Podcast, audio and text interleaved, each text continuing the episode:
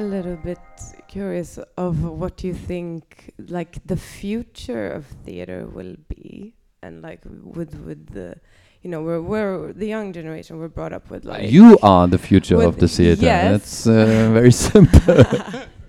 but like you know with like people are so used to getting like fast information watching tv shows like th- the people who go to the theater it seems to be a, a specific type of person and i'm like how do you do you think about who you want to attract to come to your place but first of all, I don't know who's watching TV shows anymore today. are there people with a television at home? well netflix and stuff Okay, yeah. yeah Um, um, I do believe, and that is my experience in Schaubühne, uh, we do have actually uh, quite a lot of young audience in Schaubühne. Um, and I think the answer to the question, why do you have more young people in your theater than all the other theaters in German speaking countries? The answer to this is be- because we don't care we don't care how to bring young audiences in our theater. And I think young people are clever enough to feel this that there are people who are doing it for the sake of the art and not to convince young people to go to theater. You see?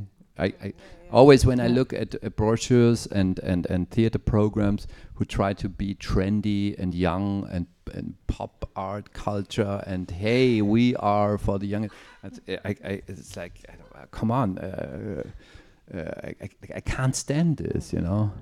So what we are doing is we are trying to tell the stories we have to tell.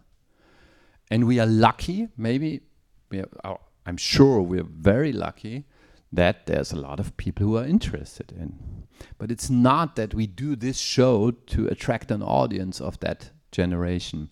And i think that is that is the key uh, if there is an answer. I mean the answer honestly i do believe the answer for the future of the theater should you should provide us with not me.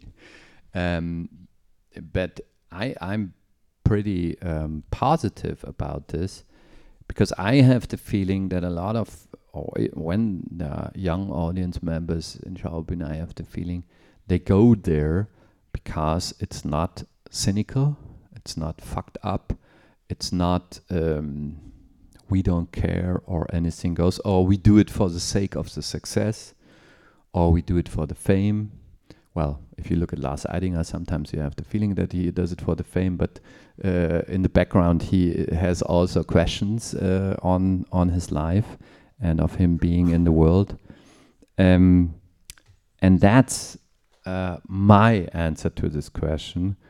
Don't worry too much about it, and also um, all the other um, narrations we get we get via a medium. So is it a screen of your computer? Is it the screen in the cinema? Is it the screen of your computer when you watch a, a concert? Um, do you have the same experience uh, when you watch a, a- concert on your computer or when you go there? No, it's not. So I do believe that, um, or I have the feeling that a lot of our audience members, especially the younger ones, they go to the Schaubühne because they know what's happening now and in this moment is really happening now and in this moment and not the product of editing, the product of um, well thought marketing and so on.